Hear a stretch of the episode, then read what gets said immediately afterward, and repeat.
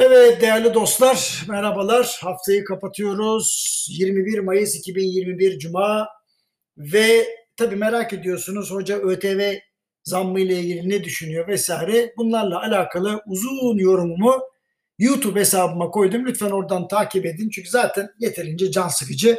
Hani bir de cuma sabahı canınızı sıkmayayım. Şimdi geçenlerde Erhan Asanoğlu Hoca ile beraber küresel ekonominin geleceği üzerine bir peş peşe sunum yaptık.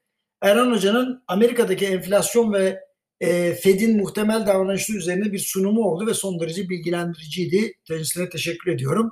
Şimdi sunumlarımızın kesişim noktaları vardı. Bu açılardan ben değerlendirmemi paylaşayım. İkimizin de ortak noktası şu. Son derece dikkatli olmamız gereken bir süreçteyiz. Amerika'da enflasyon yükseliyor ama bu yükselişin geçici olduğu konusunda Fed açıklamaları var. Ama Türkiye'de olduğu gibi üretici fiyatlarında da devam eden bir sert yükseliş var. Ne oluyor? Endişelerin sürekli tazelenmesine sebep oluyor.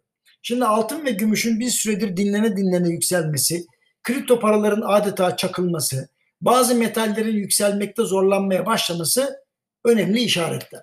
Aslına bakılırsa geçen yılın sonundan itibaren emtia fiyatlarının başlayan e, rallisi artık bir balona dönmeye başladı. E, açıkçası dünya ekonomisinde bir toparlanma var ama ham madde aramalı borsalarında bu kadar sert yükselişleri gerçekleyecek bir iyileşmeden bahsetmek pek mümkün değil. Şimdi uzmanların çoğu Amerika'da enflasyonun eldeki bilgilerle düşeceğini söylemenin zor olduğunu ifade ederken bir kez daha ekonomiler düşerse tabii olabilir şeklinde görüş yaşıyorlar. Şimdi bu önemli. Yani ekonomiler çökerse enflasyon düşer diyorlar. Bakın bu acayip tehlikeli bir cümle.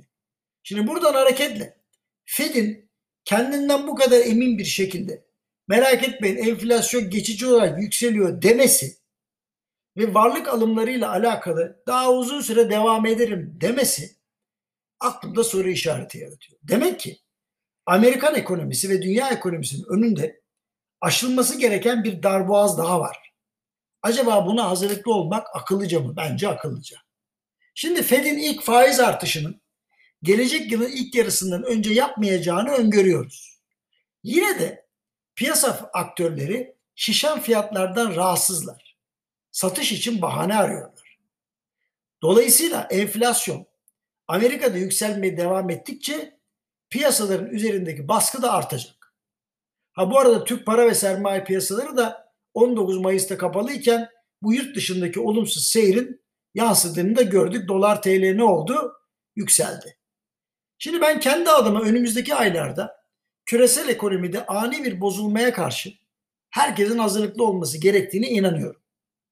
Borçluluk oranlarının sürekli yükselmesi ve kredi derecelendirmenin de bıçak sırtı bir dengede yürümesi piyasalara ani ve büyük satışlar getirebilir benden söylemesi. Şimdi tabii en başta da söyledim. Haftayı kapatırken bu ÖTV zamları moralimizi bozdu. Ama YouTube hesabımda uzun uzun anlattım. Bir zahmet oraya bakın.